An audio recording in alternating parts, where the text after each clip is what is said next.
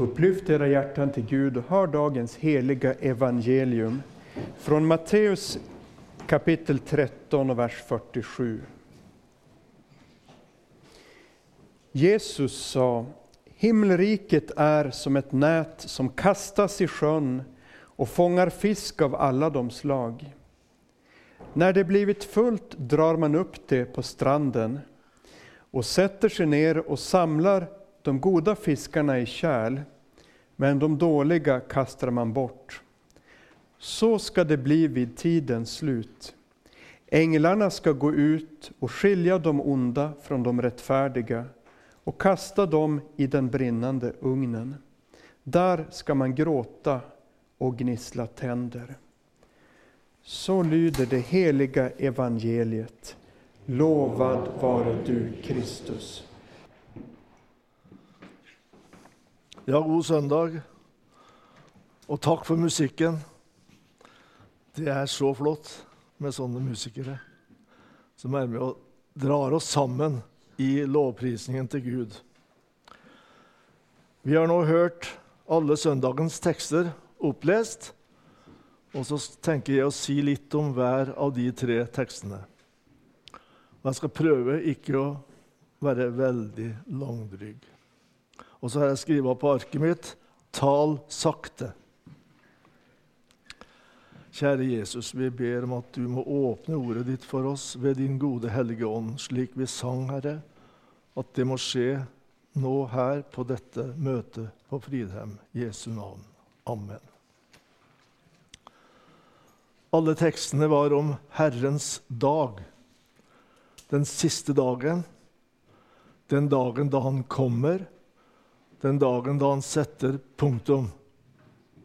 Alle tre tekstene. Og alle har et framblikk mot dagen og det som kommer efteråt. Så det er store ting vi samles om i dag. I den gammeltestamentlige lesningen så var hovedperspektivet glede. Herrens dag er en gledens dag. En dag for frøyd og jubel. Og det var bare det aspektet som fyller den teksten. Det er veldig fint å lese. For Guds folk er det inte mer gråt og klagan. Vi minnes det som senere ble skrevet i Johannes' åpenbarelse. Der skal inte mer være gråt, sorg, smerter, tårer, ingen forbannelse. Og havet skal ikke være mer, det utrygge, det som gjør livet så vanskelig for oss. Det er borte. Og vi skal ikke engang huske det. Det skal være glemt, alt som var vondt. Så vi skal ikke der tenke på det som var så vondt i fortiden, og liksom gjenkjenne det inni oss. Da er det glemt. Da er det bare glede. Det nye Jerusalem, sto det i teksten, er skapad til glede. Det er nærmest sånn at nye Jerusalem er en ren glede. Og gudsfolket er en frøyd. Vi er blitt en frøyd i denne nye verden. Gud selv, leste vi, skal juble over Jerusalem. Det er veldig sjelden i Bibelen at det står at Gud jubler. Men her leste vi det i den oversettelsen. Gud skal selv juble over Jerusalem og frøyde seg over sitt folk. Det begynner på den siste dagen. Og Perspektivet her, om det er i Det gamle testamentet, så er det ikke bare knyttet til et land i Mellomøsten. Nei, himler og jord, alt skal bli nytt. Det er universelt. Guds forsamling på hele jorden kalles inn, og det nye Jerusalem blir byen for oss som tror på Messias. I Det nye testamentet har vi mange mange eksempler på ikke-judar som ble tatt inn i forsamlingen og fikk del i dette hoppet. Jeg kom bare på en fangevoktere i Filippi. Han var ikke jøde, men han fikk høre 'tro på den Herre Jesus', så skal du bli frelst, du og ditt hus. Du skal inkluderes i dette folket som Gud frøyder seg over, og som en dag skal tre fram som en knopp som skyter ut i full blomst. Det var den gammeltestamentlige teksten. Og så var det teksten Epistelteksten, heter det. Det betyr en tekst fra et av apostelbrevene. Epistel er det samme som brev. Andre Peters brev, kapittel 3. Der var det dramatikk. Det voldsomme, det plutselige, det universelle. Himmel og jord skal brenne. Det står om hetta. Og jorden skal forgås. Det er én synsvinkel på samme dagen. Herrens dag. Og det skal tre fram en ny himmel og en ny jord der rettferdighet bor. Da er alt nytt. Det er Peters perspektiv på denne dagen. Og så leste vi at Gud drøyer, altså en problematikk der. Hvorfor gjør ikke Gud slutt og setter punktum med en gang? Nei, han vil samle seg et folk. Han vil kalle mennesker til omvendelse. Og han ønsker at vi som hans folk skal påskynde Herrens dag. Men hvordan gjør vi det? Ved at flere kalles inn i riket. Det er den måten vi kan påskynde Herrens dag. At flere blir omvenda, som var begrepet som ble brukt. Flere mennesker får høre budskapet, lytte til det, ta imot det og innrette stien sin mot himmelen. Og utmaningen til oss var veldig tydelig. Medan ni ser fram imot eller venter, må de leve helig og gudfryktig i den verden de lever i nå. Her er vi mange mennesker samlet. I morgen er det mandag. Du møter mennesker som ikke har vært på gudstjeneste i det hele tatt. Du møter kanskje mange som aldri tenker sånne tanker. Kanskje. Og så har Gud tenkt at du skal være en menneske som har en duft av helighet. Som gjør at de begynner å tenke og kanskje spørre. Og en duft av gudsfryktene. Respekt for den Gud som har skapt verden, og for de bud han har gitt oss. Det er et ønske Gud har for alle oss som tror. Han vil at vi skal være blant de som lyser opp i den mørke tiden vi lever i. I de små miljøene og i de store. På arbeidsplass, kontor, skole, hjem. Gud ønsker at vi skal leve et liv helikt og i Guds fruktan medan vi venter. Så Det er ikke et blikk ned, det er et blikk framåt. Mot det som skal hende da Herrens dag kommer. Hans ankomst, leste vi. Det var epistelteksten. Og så er det evangelieteksten. Den er hentet fra Matteus 13. Og det kapitlet er fylt av likninger, lignelser. Først lignelser om, lignelsen om såmannen. Og så har vi om ugresset og hveten. Og så har vi lignelser om sennepsfrø osv. Og, og så kommer den vi leste her, som Daniel leste her for oss. Herrens dag. Det blir en dommens dag. Og dom er på, på gresk krisis. En dag da det blir skjelning mellom to grupper. Og Der kjenner vi med en gang alvoret. Og Jesus var aldri redd for å tale om det store alvor knyttet til Herrens dag. Hver lignelse har en avslutning som har dette perspektivet. Det gjelder å være redo. Og Gud åpner døren for den som i troen har hatt samfunnet med Herren. En domens dag. Jesus satt ved Genesaretsjøen da han fortalte disse lignelsene. Så kanskje satt han og så utover.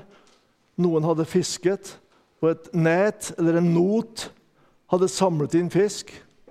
Og så satt de kanskje der og ordna med fisken, og noen måtte de kaste. Noen samla de i kæl.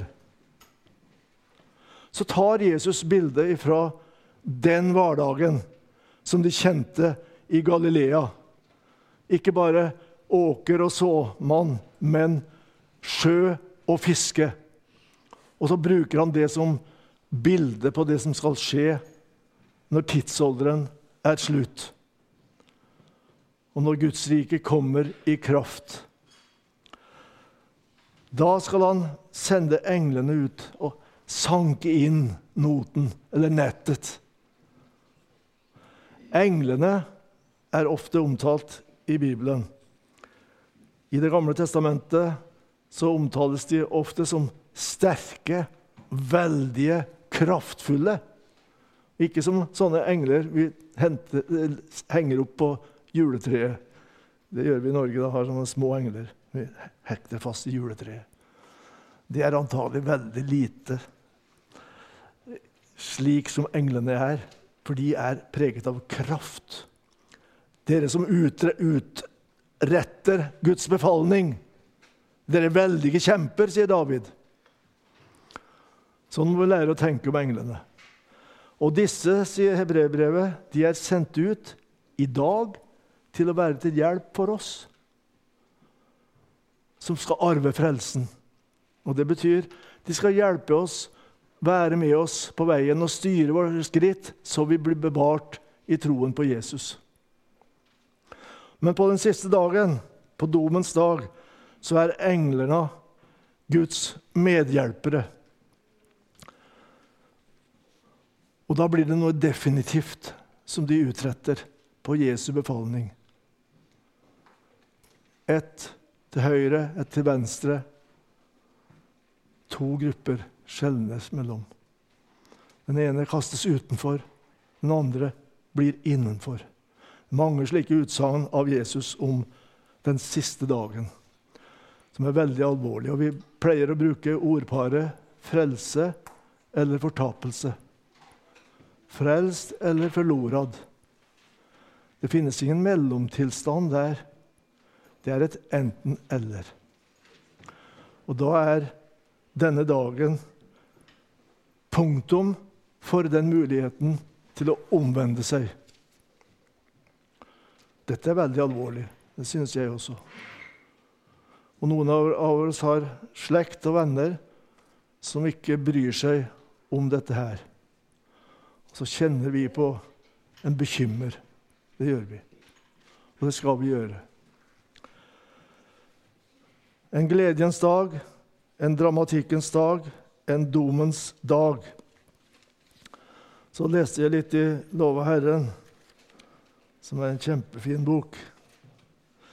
Der er det en salme som er oversatt fra norsk, men den er oversatt til god svensk. O tenk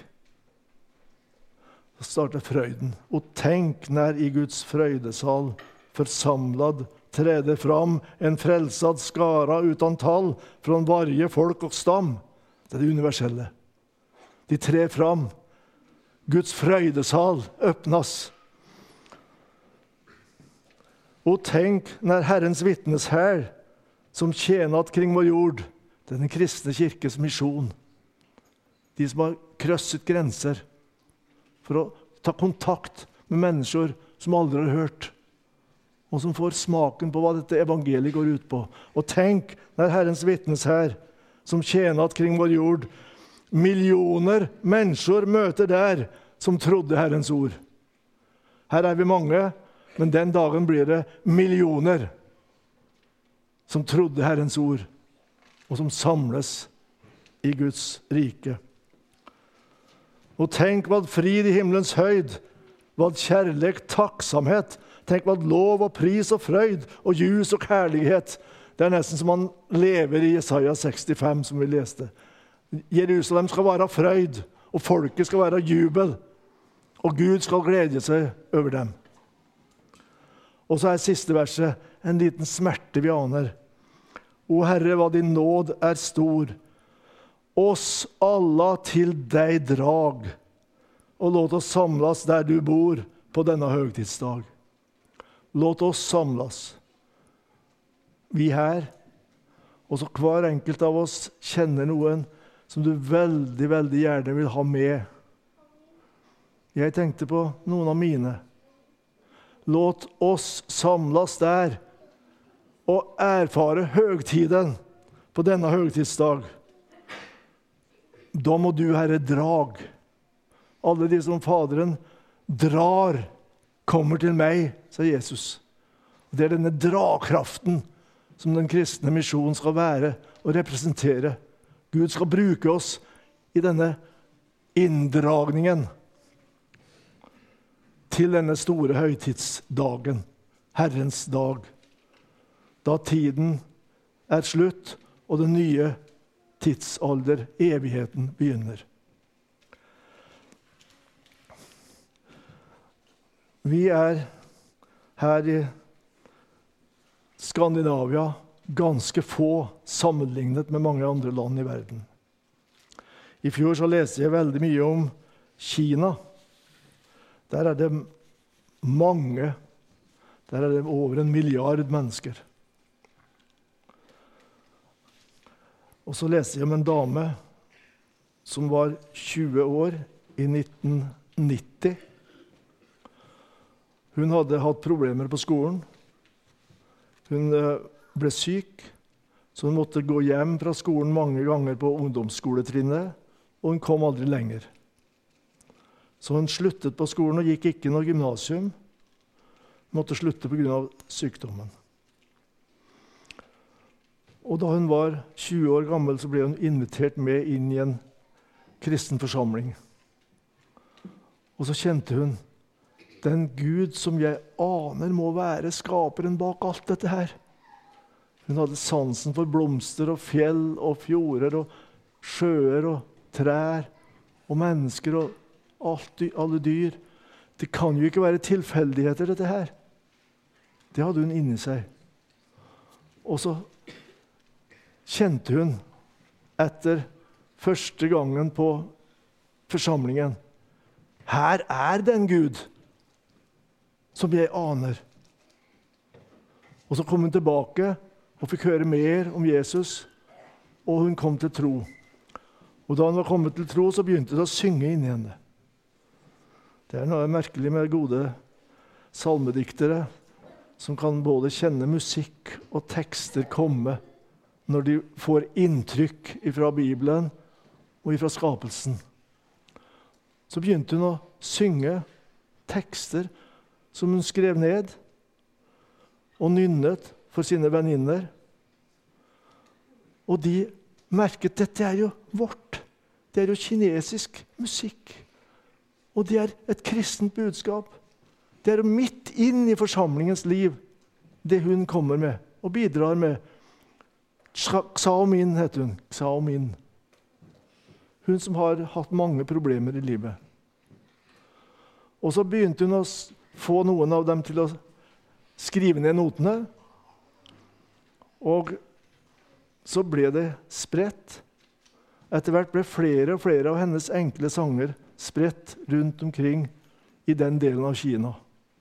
Så gikk det bare kort tid, så ble sangene spredt over hele Kina. Og i dag synges de i kinesiske menigheter andre deler av verden. De er samlet i en bok med 2000 sanger som heter Kanan Hymns. Og 70 millioner kinesere kjenner sanger fra Kanan Hymns og synger dem. For de er blitt spredt og kjent overalt. Det gikk ikke lenge før hun kjente at hun måtte gå over fjellene og fortelle om Jesus til andre deler av Kina. Og så ble hun fengslet. Hun sammen med en menighet ble kastet i fengsel, hele gjengen. Og de kriminelle i fengselet sa, 'Hva har dere gjort for galt?' 'Ja, vi tror på Gud', sa de. 'Ja, men skal de fengsles for det?' Ja, sånn er det blitt. Det var i 1992. Og der i fengselet så levde sangen inni Xamins hjerte. Og hun skapte nye sanger, og hun sang for fangene.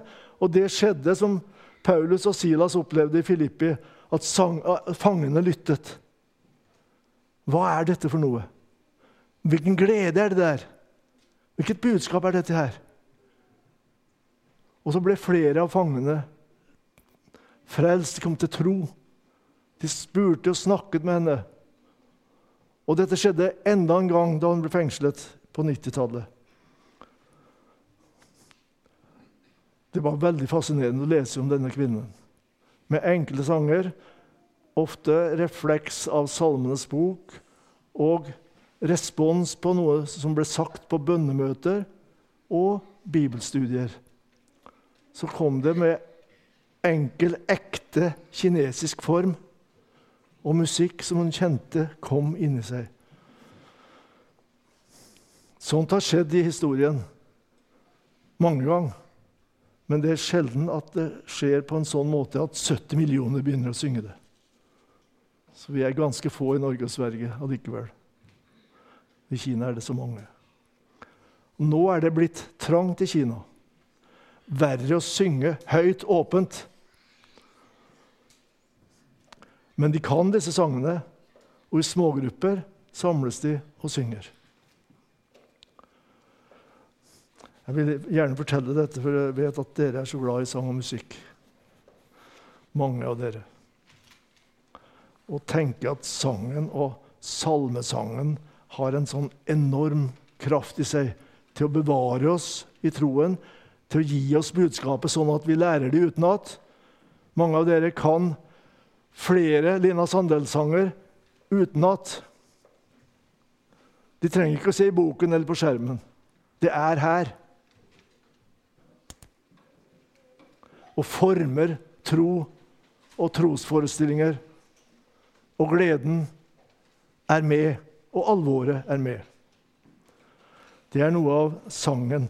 Og i himmelen skal alt preges av den nye sangen. Sangen om Jesus. Frelsens sang, takkens sang, som vi skal ta del i sammen med Xaomin og mange kinesere og mange fra alle deler av verden når Jesus kommer igjen. Gode Gud, himmelske Far, vi takker deg for at du er ufattelig god. Du møter oss med et evangelium der du rekker oss din hånd og sier at du har dødd for oss, du har stått opp for oss. Du sitter i himmelen for oss, og du byr oss ditt glade budskap, Herre, om å bli med inn i din, ditt folk på jorden og ha en sånn framtid som du lover oss. Vi ber om at vi må få mange med oss i familien vår, i storfamilien vår, i områdene der vi bor og arbeider, og i de områdene der evangeliet når ut til andre deler av jorden. Det ber vi om, Herre, i Jesu navn. Amen.